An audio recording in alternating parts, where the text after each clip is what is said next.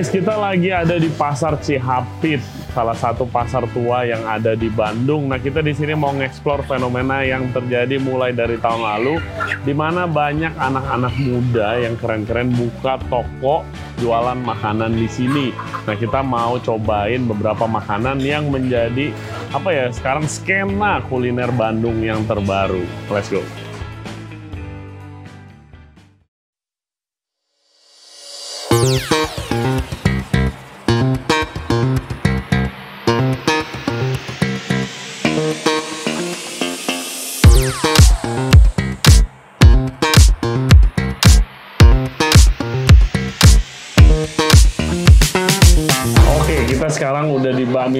Ditemenin sama AA Rehan Ya. sebagai megang marketingnya nih Bakmi Feng. Nah, gue mau nanya, kenapa bukanya di pasar? Oke, kenapa bukannya di pasar? Eh, karena kita mau eh, ngeciptain bahwa makan bakmi di hidden game gitu, di dalam pasar Cihapit. Yang emang notabene si pasar ini tuh emang masih aktif juga gitu. Jadi masuk ke dalam terpencil gitu. Jadi itu sih experience yang pingin di kita libatin ke konsumen. Waktu masuk ke sini, apakah udah emang udah banyak outlet kecil-kecil seperti eh, sekarang nih outlet-outlet yang dibikin sama anak muda gitu? Waktu masuk ke sini, masuk sini emang belum seramai ini sih, masih Oke. ada beberapa cuman ada tiga bahkan. Sekarang udah semuanya udah crazy gitu ya. iya, wah keren-keren banget. nih. Nah, terus eh, Bakmi Feng ini konsepnya seperti apa? Untuk konsepnya sendiri itu lebih ngutamain bakmi halal kekinian terus yang banyak menu varian menunya terus juga uh, hidden game yang tadi terus juga uh, uh, si mie-nya tuh buat sendiri gitu Oke, oh mie-nya buat sendiri. Oke. Terus dari tadi sih ramai banget ya. Ini kita di hari Sabtu. Full. Iya. Satu hari bisa berapa berapa mangkok pas jualan? kalau untuk di weekend sih satu hari itu bisa 150-an lebih sih 150-an lebih ya. Mantap ya. Juga online juga jalan ya? ya online juga ada di Grab uh, Gojek sama Shopee Oke. Nah, best selling itemnya apa ada nih Mas? Naga merah ntar aku coba panggilin untuk bakmi naga merahnya Oke. mau bakmi naga merah Bakmi naga, Naga merah. merah. Oke, wow. nah ini Nah. sih penampakannya gitu Oke. Nah, ini Hmm. ini kan chashu. Iya, chashu. Oke, ayam chashu. Ini tuh ayam yang disuir. Cincang, itu ayam cincang. dicincang.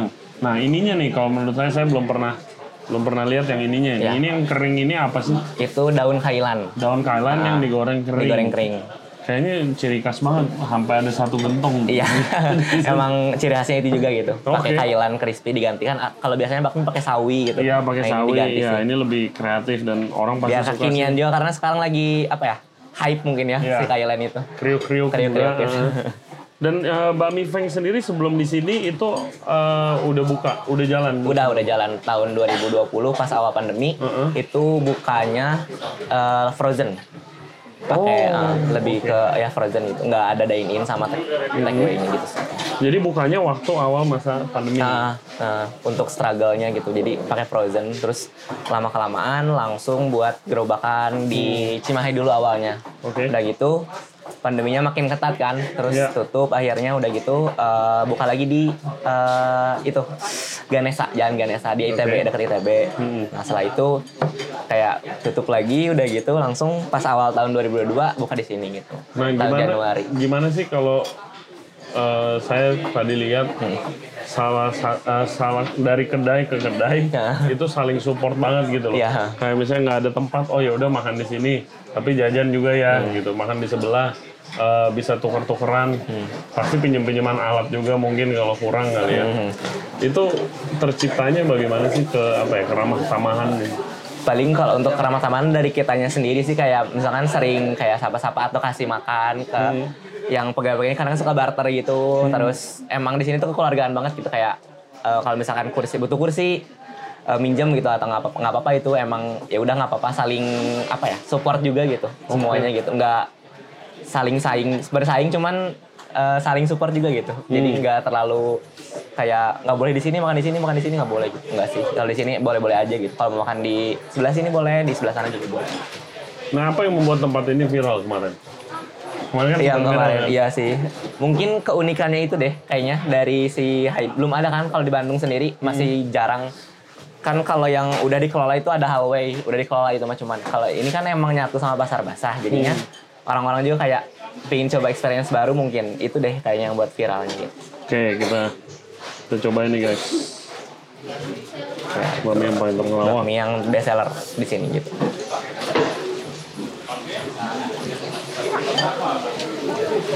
biarpun rasanya nyeleneh gitu, tapi rasanya sih apa ya bisa dibilang otentik gitu rasanya otentik, familiar iya, gitu iya. gurih gitu nggak nggak aneh-aneh juga nggak terlalu nyebrang gue sangat suka Alhamdulillah. terus rencananya pengen buka udah buka cabang Ya, Kembang. rencana tuh ada dua cabang, cuman yang hari ini kebetulan soft opening tanggal 1 Oktober Hmm. di Antapani. Itu collab nyatu sama kopi.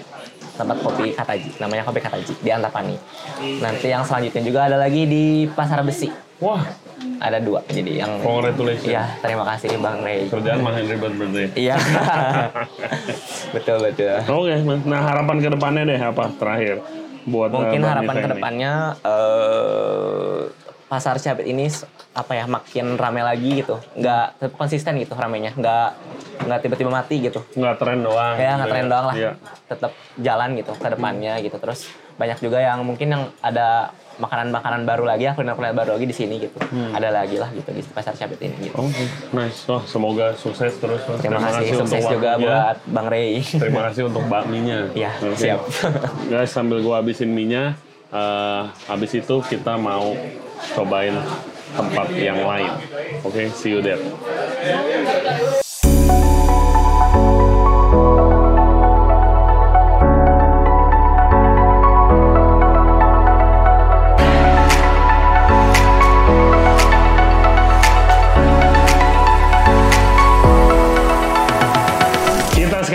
Nasi telur sumber rezeki bersama bosnya. Ale. Halo, Apa kabar, teman-teman. Man? Alhamdulillah baik. Gimana Mas Ray? Baik, baik. Eh, thank you udah kita ngerepotin tempat customer jadi geser-geser duduknya. Nggak apa-apa. Eh, kenapa? Gue penasaran kenapa buka di tengah pasar, bukan di tengah, di pojokan pasar. kenapa? Lebih karena awalnya pasca pandemi kali ya, pas udah pandemi reda, salah satu partner aku namanya Samsa suka nangkring ada di kalau kebetulan lagi tutup di sini ada tempat kopi cukup lama 2014 sering nangkring di sini dia nanya-nanya kok pada tutup ya sekarang Hmm. pas dia pas yang punya tempat kopi bilang di sini emang pada udah cabut pas Oke. pandemi nggak bisa disalahkan kan emang pada tumbang gitu Jadi tapi dulu ini tempat makan semua dulunya. Kurang lebih hampir sama sebenarnya. warung-warung Iya, gitu. macam-macam banget juga. Oke. Ada floris bahkan bahkan ada galeri sempet Ah. karena di sini dosen komunitas dosen bisa dibilang seniman juga banyak yang nangkringnya di sini. Oh gitu. Dulu Wow, pasca wow. pandemi ya, sebelum pandemi itu sebenarnya ini hidup juga, Oke. tapi pas kena pandemi pada jatuh, pada cabut. Nah, kita ngisi tuh momen itu Oke. 2000 eh November. Mm-mm. November tahun lalu kita di- dikasih lihat tempat ini dan ngerasa karena deket banget sama kopi ya jadi Iya. maksudnya aktivitas kehidupannya ada lah ya sementara kadang di pojok-pojok sana masih tutup banget ya masih kosong Oke.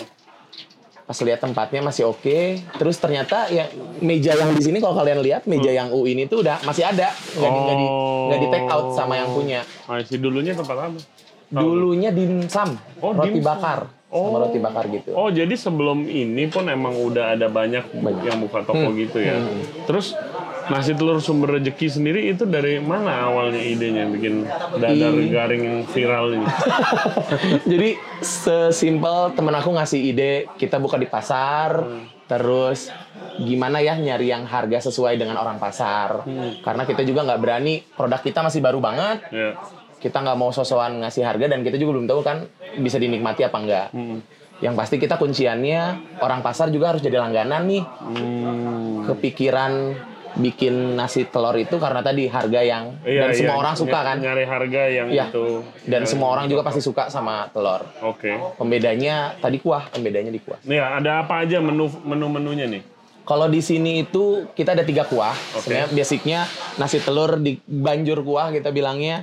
Ada tiga kuah, ada kari yang pedas, rendang sedang, sama opor yang nggak pedas. Oke. Itu jadi kayak leveling. Kalau di Bandung kan identik banget sama level-levelan pedas gitu. Oh, masih jadi, sih?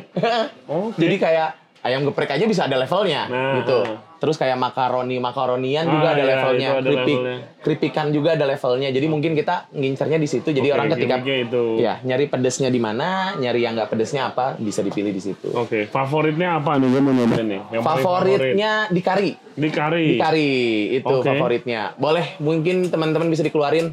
Dan ada baceman di sini juga Betul. ya. Baceman tuh tadi karena variannya kita cuma telur awalnya. Oke. Apa ya pelengkapnya biar orang-orang bisa jadi apa ya? Jadi kenyang lah istilahnya ya. Kepikirannya gimmick si kayak Angkringan gitu. angkringan betul. Iya, iya. Jadi orang bisa milih ketika lihat, wih, awalnya dia cuma makan nasi telur. jadi BM. Iya, iya. Pinter sih. Ya. Iya. Karena ngeliat, aja oh. tadi kan minta. Boleh nih baceman nih. Iya, iya. Mungkin nih sambil gue cobain, Silakan. lu boleh cerita pengalaman lu waktu buka di sini. Hmm. Jadi kalau mau cerita flashback dikit sih karena Hmm. tadi ya teman aku eh, sekalian ngasihin makanan buat pelanggan nggak jadi masalah kan? Nggak masalah. Justru yang penting. Terus Ya, eh, teman aku karena suka nangkring di sini, dia ngelihat eh, di sini kosong dan tadi balik lagi mejanya masih udah tersedia, kita tinggal masuk gitu ceritanya. Hmm. Nah, dari situ jadi ngulik kan, jadi ngulik di sini tuh sebenarnya kayak gimana sih sejarahnya di sini tuh ada apa aja. Hmm. Kalau Dele pribadi taunya emang Maeha di sini yang paling lama. Iya tuh yang Iya. di sebelah sini ya. Betul, yang warung nasi warung nasi Sunda gitu. Hmm. Terkenal lama gepuknya, ayam goreng sama sambelnya juga juara sih sambal terasinya. Nggak, Si rame Maeha. banget Iya, sih. rame tadi. banget, rame banget apalagi eh, jam istirahat kantor ya. Hmm. Luar biasa dia, dia udah lama. Kebetulan dari sekitar 4 1948 kalau nggak salah dia beliau itu buka tuh sampai sekarang um- 1948. sampai sekarang umurnya 91 tahun dia kadang-kadang masih eh, ngasirin Wow. masih ada beliau. 1948 beliau buka di sini. kalau nggak salah aku Jadi ini Kalau pasar detailnya- udah dari zaman kapan? udah cukup lama sebenarnya ini tuh dengan kondisi ini setelah revitalisasi pastinya ya Iya, iya, iya. kalau ada yang salah mungkin bisa teman-teman koreksi jadi setahu aku yang pasti Maehanya masih suka datang ke sini masih suka ngasirin kadang-kadang juga mampir keliling ngeliat anak-anaknya gitu istilahnya kalau kita kan eh, presidennya kita lah kadang-kadang suka mutar eh, silakan silakan Mm-mm. kadang-kadang suka muter buat beli kopi di si Om Bayu yang punya Los Ciapit. Suka ngopi di sini juga, ngelihat anak-anak, wih ada yang baru lagi, apa jadi ngobrol aja sama mereka. Beliau masih suka ada, terus eh, sejarah kalau setahu aku di sini tuh dulu tempat eh, apa? Penyim gudang senjata atau gudang parkiran kuda. Ah, Oke. Iya, Oh, pas zaman dulu. zaman dulunya, Aman. zaman dulunya ini Wah, tuh. berarti umur pasar ini udah Udah lumayan luar, lama luar biasa Iya, ya. udah luar Wah. biasa. Terus gue penasaran, kan ini orang-orang pasar ada yang udah lama, Hmm. udah yang udah puluhan tahun gitu kan. Begitu ada anak-anak muda banyak nih buka, anak-anak muda sosok keren, branding keren ya kan. Gimana sih respon orang-orang pasar silakan? Iya. Orang-orang pasarnya sendiri yang udah lama gimana? Apakah dibuka Hmm. atau kayak nih anak-anak ngapain sih gitu kan? Eh, sampai saat ini sih respon mereka sangat baik banget ya. Hmm. Mungkin karena tadi balik lagi kita juga eh, secara sopan datangnya, Hmm. tetap berbaur sama mereka, nggak dipungkiri cara kita berbaur dengan beli bahan baku dari mereka, Iya.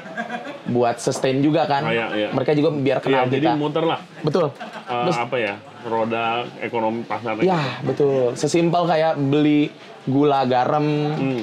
Beli daun bawang atau nggak bahkan air mineral. Ada kan di sini ada grosiran juga. Hmm. Kita beli-beli di sini buat kenal aja gitu. Jadi saling nyapa dan mereka responnya baik banget gitu. Oke. Iya, Bersama. terus juga komunitasnya apa ya kekeluargaannya itu mungkin karena Bandung kali ya. Iya iya iya iya. Kalau gua pengalaman gua kayak gitu. Kalau Jakarta mungkin beda Iya. kali ya. Silakan, Itu kekeluargaannya kayak saling kenal, pinjem-pinjeman kursi gitu. Keren banget sih. Serunya di situ. Aku juga nggak nyangka. Bisa dibilang kan aku baru ya maksudnya di FNB. Cuma Hmm. meskipun umur baru tapi aku bisa nyolek banyak orang ternyata Hmm. di FNB di Bandung tuh sangat terbuka banget. Aku juga baru tahu. Bahkan ya maksudnya salah satunya bisa kenal sama Mas Rey karena aku Iya. bergelut di FNB pada Iya. akhirnya. Hmm. Meskipun padahal warungnya kecil tapi impactnya gede banget. Iya, iya, iya. Seru. Terus, lanjut. Serunya di sini kayak tadi eh, kayak misalkan nyoba makan di mana saling rekomendasiin. Hmm. Iya, iya. Itu aku happy banget tanpa dipaksa gitu. Hmm. Teman-teman tuh saling support. Iya, tadi gua ke sana, weh cobain yang ini, cobain yang cobain. Wah, kalau semuanya sih habis juga nih perut gua nih gua bilang. Iya iya iya. Gue di Instagram lu juga eh, nasi telur sumber rezeki itu sangat apa ya menjunjung tinggi kayak komunitas gitu loh. Oke.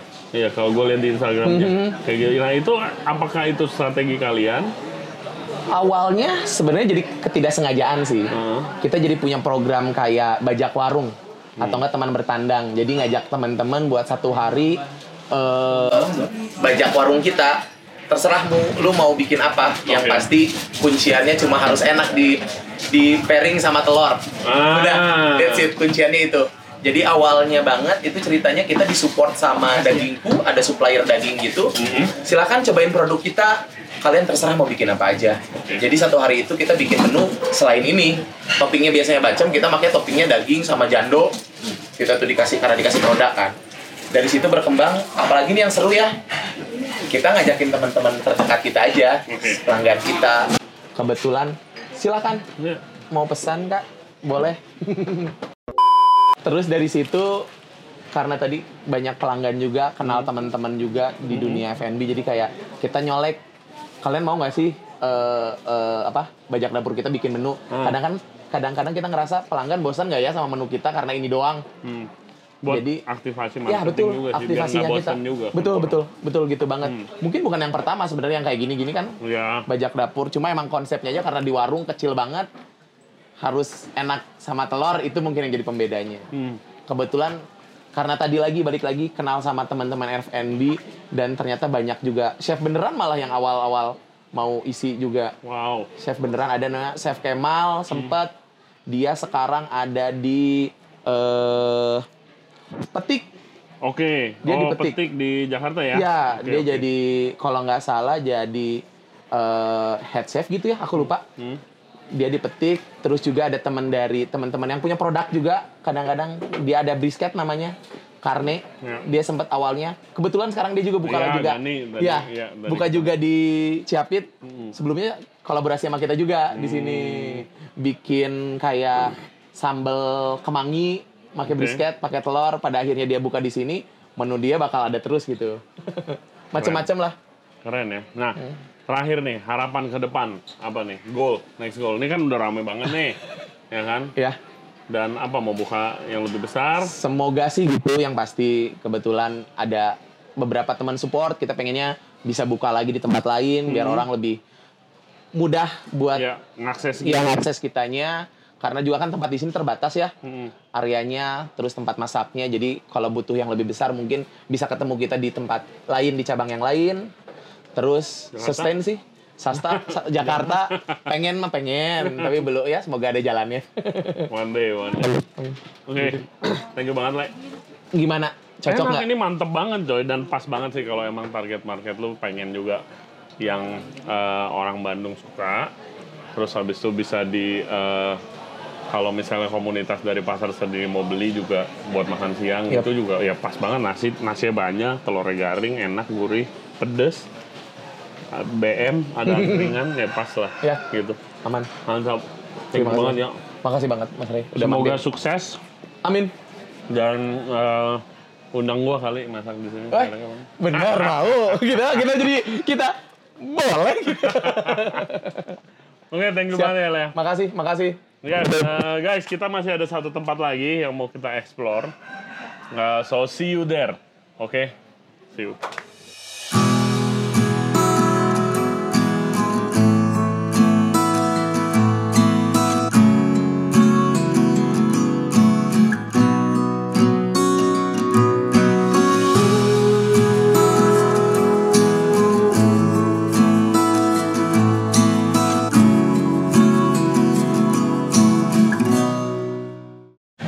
Oke, sekarang kita ada di Seroja Bay, tempat yang sangat spesial. Kita lagi sama co-foundernya, Ana. Halo.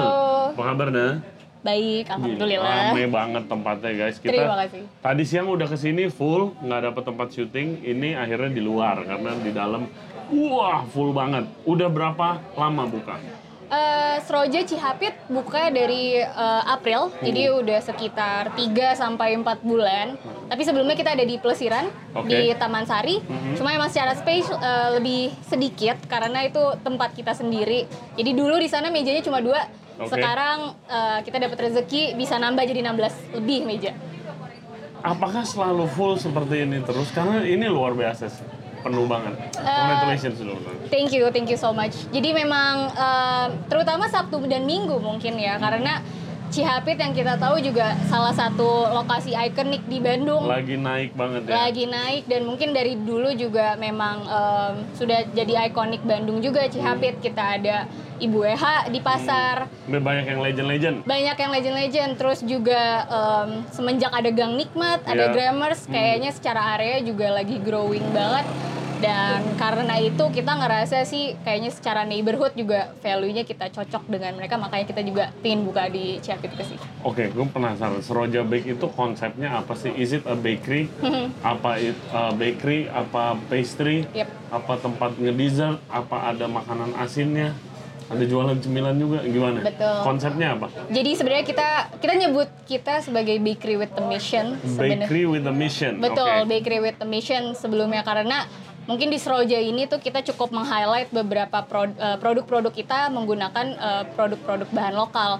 Mungkin ini juga jadi salah satu privilege kita bisa buka di Bandung, kita punya tempat di Bandung karena mungkin secara medan yang tinggi eh, juga eh, kita tuh secara akses ke petani, ke Hmm. peternak itu jauh Ya, lebih dekat. Itu yang di gua di Betul. Jakarta tidak akan punya Betul, akses yang mungkin sedikit susah ya. Iya. Kalau misalnya di Bandung, eh, ya itu juga salah satu privilege kita eh, memulai bisnis kita di Bandung gitu. Jadi kita lebih dekat ke ke petani, kita lebih dekat ke peternak gitu. Jadi itu sih eh, di sini di Stroja kita ingin meng-highlight penggunaan bahan baku lokal tersebut. Kenapa?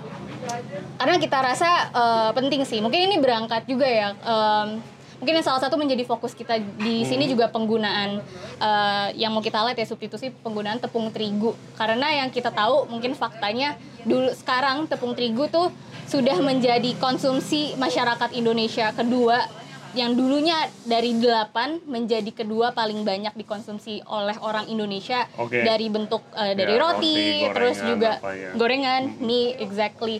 Dan kita rasa ini membuat kita jadi ketergantungan dengan impor gandum itu sendiri gitu. Hmm, iya. Sekarang lagi mahal banget loh. Betul. Iya. itu uh, that's that's exactly the point. Jadi um, kita rasa ini juga jadi potensi ekonomi yang cukup besar juga nih untuk para petani kita karena 3% konsumsi tepung itu sama dengan uh, semua lahan sorghum, sagu di Indonesia. Gitu. Jadi Tunggu, maka- tunggu. Apa? Diulang lagi? jadi 3% penggunaan konsumsi tepung Ha. sama dengan seluruh eh, lahan sorghum dan juga sagu di Indonesia. Wow. Jadi dengan makanya makanya kenapa di Seroja kita juga punya mungkin salah satu komitmen kita juga ya di di setiap produk kita kita ingin mensubstitusi atau menggunakan setidaknya 10% aja dulu eh, bahan baku lokal gitu. Jadi itu yang mungkin menjadi base dan landasan Seroja juga sih. Jadi jadi kalian lihat statistik sama partner Data, kalian, yes. lihat data. How? Di mana kalian? Kalian backgroundnya apa sih? Eh, aku dan co-founder Iya. Faiza eh, kita sebenarnya eh, sekolah di ITB Oke, sebelumnya itu make sense. di sekolah bisnis sebenarnya Oke, tapi oke. kebetulan orang tua kita berdua F&B backgroundnya eh, dan orang tua Faiza juga kebetulan tukang roti jadi mungkin yang Oke. dia mereka dan Faiza mungkin melihat sehari-hari penggunaan tepung terigu sebanyak apa Hmm. gitu demandnya gitu. Jadi dari situ makanya mungkin ini salah satu produk kita juga ya. Yes. salah satu produk kita yang cukup um, ikonik di Stroja namanya tart singkong. Tart singkong. yes jadi ini tart singkong kita 100% pakai tepung singkong. Oke. karena Tepung kita terin, yes karena kita terinspirasi dari masyarakat hukum adat Cirende. Nah, itu uh, punya misi kan it's one thing gitu kan. Tapi untuk actually hunting ke gue lihat videonya tuh yang di Cirende itu iya uh, itu kan perlu komitmen yang sangat besar juga kan. Yes. Karena kan malah bikin kerjaan lu ribet nih daripada lu beli tepung aja dari supplier gitu kan. betul betul Oke. Boleh diceritain nggak kenapa kalian sampai hunting ke sana? Jadi biasanya untuk kita approach ke para petani, peternak itu bukan yang semata-mata kita langsung ngedatengin mereka. Karena otherwise kalau kita tiba-tiba ngedatengin mereka, minta supply segala macam, pasti mereka kaget gitu. Iya. Biasanya approach kita ya memang melalui orang warga lokal atau mungkin teman kita yang memiliki koneksi ke sana gitu. Jadi memang secara objektif juga jelas tuh kita mau ngapain, approach-nya juga pelan-pelan. Mungkin salah satunya si eh, Ciren, si tepung singkong ini sebenarnya ini inspirasinya dari masyarakat adat Cirende karena mereka sudah hampir 100 tahun mensubstitusi dari konsumsi beras menjadi singkong. 100 tahun Yes, karena beras. betul, betul. Karena alasan yang eh, cukup politis karena zaman dulu mereka is- beras dimonopoli oleh pemerintah Belanda. Jadi Iya. itu mungkin salah satu pergerakan mereka juga.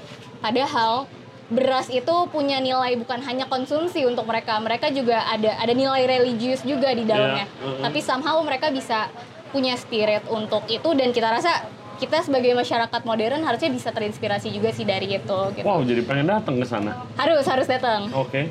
Terus Ayo, ide bikin tart singkong ini?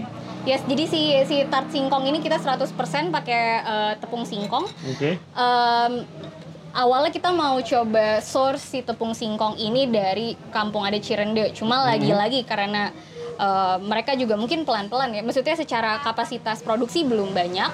Jadi sekarang kita tepung singkong masih sebenarnya mengambil supplier dari bahan bak di Bandung. Tapi kita lagi bikin pengiring, pengeringan singkong di sana. Jadi Wow. perlahan sih sebenarnya. Oke, Ini isinya ada apa aja berarti? Ini eh, ini tart singkong jeruk eh, jeruk kunci custard. Jadi eh, dalamnya jeruk kunci custard, terus di atasnya pakai kemangi gel. Uh, Gitu. nice. Boleh dicoba. Oke. Ini ya udah pasti enak ya lihatannya tempatnya ramai begini.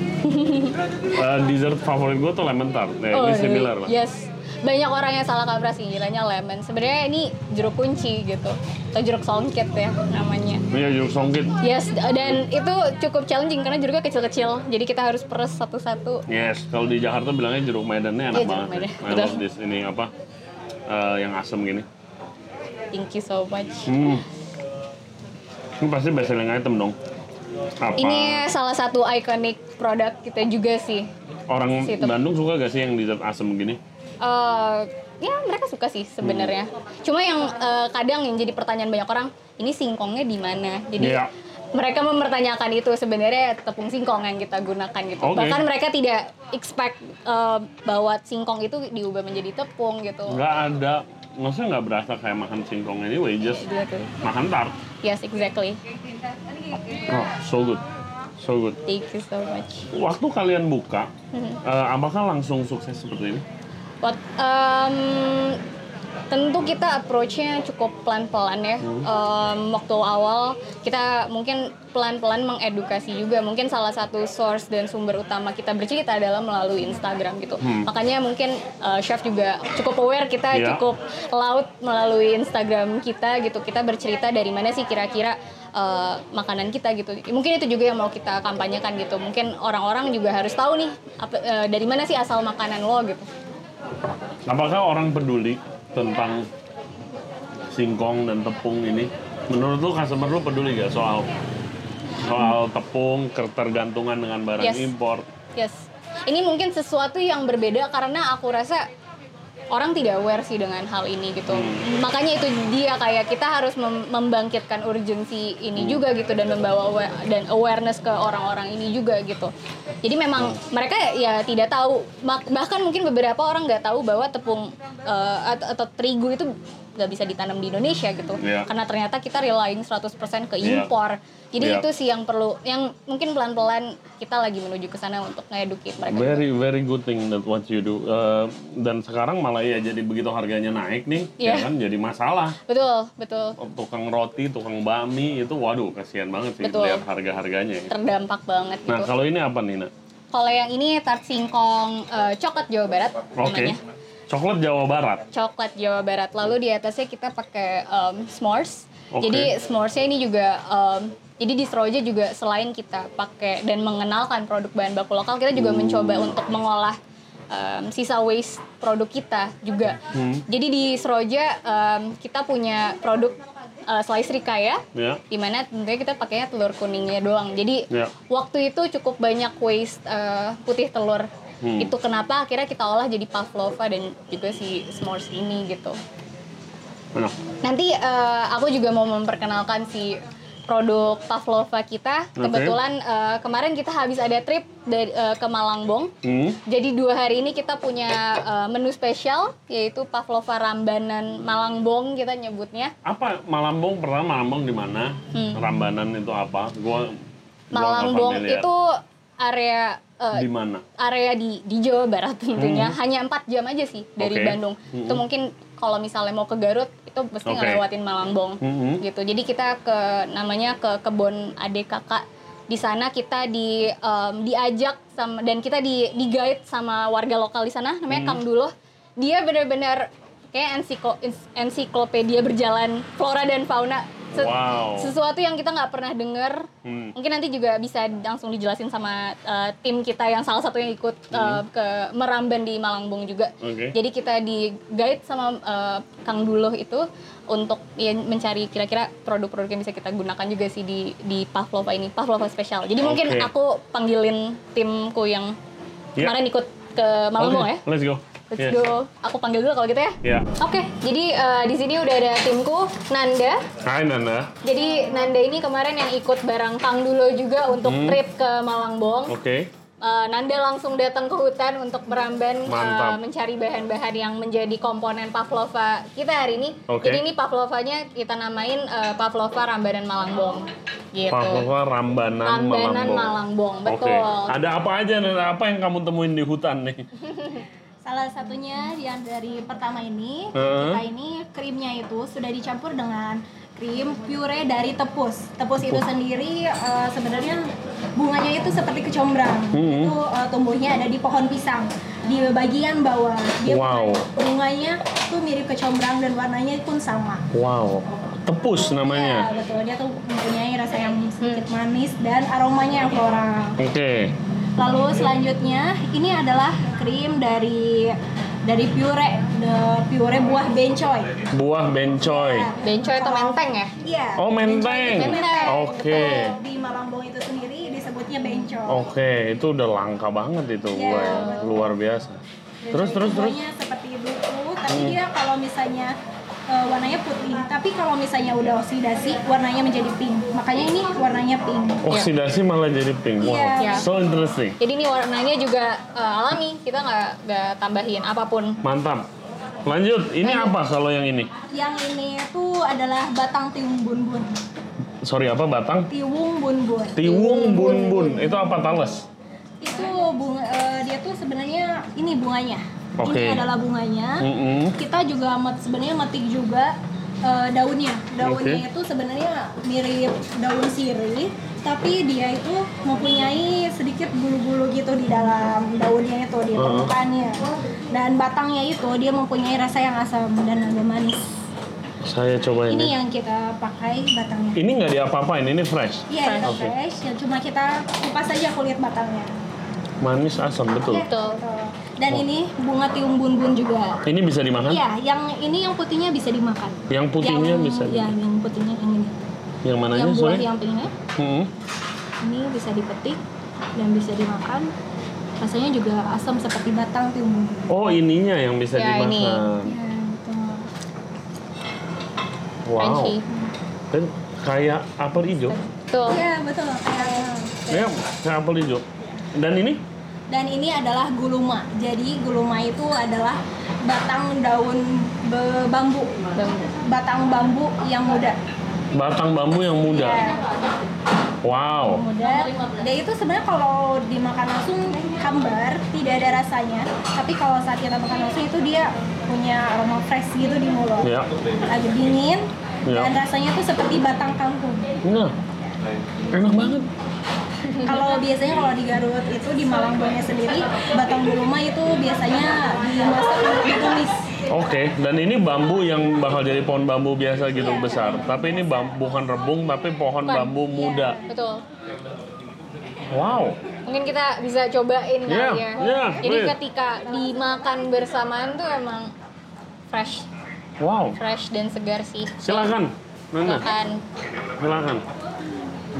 Jadi kalian emang ada regular trip seperti ini untuk hunting ke daerah-daerah tertentu betul, gitu? Betul, betul. Dan pastinya kita mengajak salah satu warga lokal di sana gitu untuk Hmm. memperkenalkan mungkin flora dan fauna khas mereka karena lagi-lagi kita juga ini sesuatu yang baru buat kita. Kita Hmm. juga baru tahu ada em, tanaman seperti ini gitu dan mungkin komponen-komponen komponen-komponennya itu ternyata bisa dimakan dan diolah gitu. Iya, ini semuanya. Jadi eh, kalau gue gua udah sering lumayan research nih soal makanan-makanan Yes. yang nggak familiar gitu ya. Tapi ini selain menteng nggak ada yang pernah gue denger atau gue tahu gue pernah lihat gitu. Betul. Dan kita pun baru tahu ketika trip Malangbong kemarin. Iya, emang gitu. harus ke sana sih. ya. harus ke sana, harus langsung di Smell, taste. ya. Yes. Nah, apa rasanya very unique. Teksturnya juga ya menarik. menarik. Betul. Dan mungkin respon dari orang-orang itu juga positif banget sih. Ya.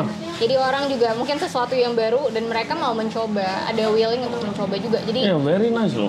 positif. Begitu kena ini dan apa yang ininya namanya apalagi saya udah lupa. Tiumbun ini. Tiumbun. Itu manisnya rada kekat ada asemnya. Betul. Teksturnya ini enak juga. Kena merang. Betul. Luar biasa, luar biasa. Kenapa kak kalian berarti tuh niat banget ya sampai nyari seperti Yes. itu ya? Balik lagi sih ke awal, maksudnya ini juga jadi privilege kita karena kita berada di mungkin Yep. sudah di posisi yang sudah accessible untuk ya Yeah. keliling gitu untuk Hmm. mencari. Memang salah satu fokus kita juga yang pertama ya di Jawa Barat dulu sih. gitu. Keliling Jawa Barat. Mau ke mana lagi next nih? Next kita em, mau keliling. Kita sebenarnya next sebenarnya either mau ke Sumatera sih, pin pin lihat juga sih. Oh di sana banyak Yes. yang Kebetulan saya orang Aceh. Hmm. Jadi em, kita juga kemarin baru ada menu namanya eh, kerinci set oke. gitu. Jadi em, sama sih mengi- mengangkat bahan-bahan dari kerinci juga di Jambi gitu. Iya saya dari gue dari belum lama dari Aceh. Oh gitu. Wah Nice. menarik banget makanan dan bahan-bahannya juga betul. banyak banget yang belum pernah Betul. dilihat. Jadi banyak banyak banget sih masih ruang untuk eksplornya masih cukup. Eh masih besar sekali. Dan di daerah ini juga kamu temu pasti lebih banyak dari ini dong. Iya, lebih Iya. banyak dari ini. Salah Banyak. satunya yang ini yang eh, jadi komponen pavlova hanya si ini. Oke. Sisanya masih kita Nah, develop ya. Masih kita R&D atau beberapa juga mungkin secara rasa mungkin belum bisa diterima sama em, mungkin market gitu ya. Kita juga lagi cari-cari cara gimana supaya bisa memperkenalkan dengan ya Iya. makanannya juga enak gitu. Kalian nggak ada rencana buka restoran? Ada ada banget sih itu. Iya, kalau restoran pakai barang-barang seperti ini sih. Betul. Oh man, that will be so cool. Yes. Pasti sangat keren banget sih. Inspirasi kita juga sih sebenarnya Hmm. ke sana ya untuk lebih memperkenalkan lebih ke banyak orang lagi gitu. Yes. Ah, thank you banget udah diundang Thank ke you sini. juga Chef Luar biasa mampir Seroja. ke Seroja. Tempat Terima yang kasih. sangat spesial. Thank you, thank you so Semoga much. sukses uh, uh, Thank you. untuk terus mengerjakan misinya ke Terima depannya. kasih. Betul. Yes. Masih Uh, banyak misinya. Iya, nah ini tempatnya ramai banget, guys. Jadi kalau uh, mau ke sini bisa reservasi gak sih? Bisa bisa reservasi. Oh, bisa reservasi langsung ke sosial medianya. Betul. Thank you banget ya, semoga sukses loh. Thank you, thank you chef sudah mampir ke Seroja. Terima kasih banyak. Terima kasih. uh, favorit gua ini, tapi ini kan menu spesial kan. Iya, masih banyak Iya, lagi sebenarnya. Iya, still uh, apa? Uh, tart singkong pakai jeruk kunci Jeruk sangat kunci ya. enak. I love, I love that. Comfort food. Thank you. thank you, thank you so much. Oke guys, itu aja trip kita di Bandung untuk explore daerah Pasar Cihapit kali ini. Please visit, nih areanya keren banget. Ini udah menjadi kayak pusat kuliner keren di Bandung kayaknya ya. Yes. Yes. Cukup ikonik. Hmm, dan visit Seroja Bake, visit juga Bakmi Feng tadi dan juga nasi telur sumber rezeki. Mereka sangat-sangat keren. Kenalan sama ownernya ngobrol, orangnya santai banget dan Betul. khususnya Ana dia bisa cerita tentang misi dia yang sangat amazing kalau menurut kita. Jangan lupa subscribe seperti biasa di Legends Radio Podcast di YouTube, Spotify, Apple Podcast, Google Podcast dan juga Anchor App. Uh, for further update cek Instagram kita di Regensen Radio. Kalau mau kita datengin trip, please DM kita, undang kita ke restoran kalian. Oke, stay safe, stay healthy. We'll see you next time.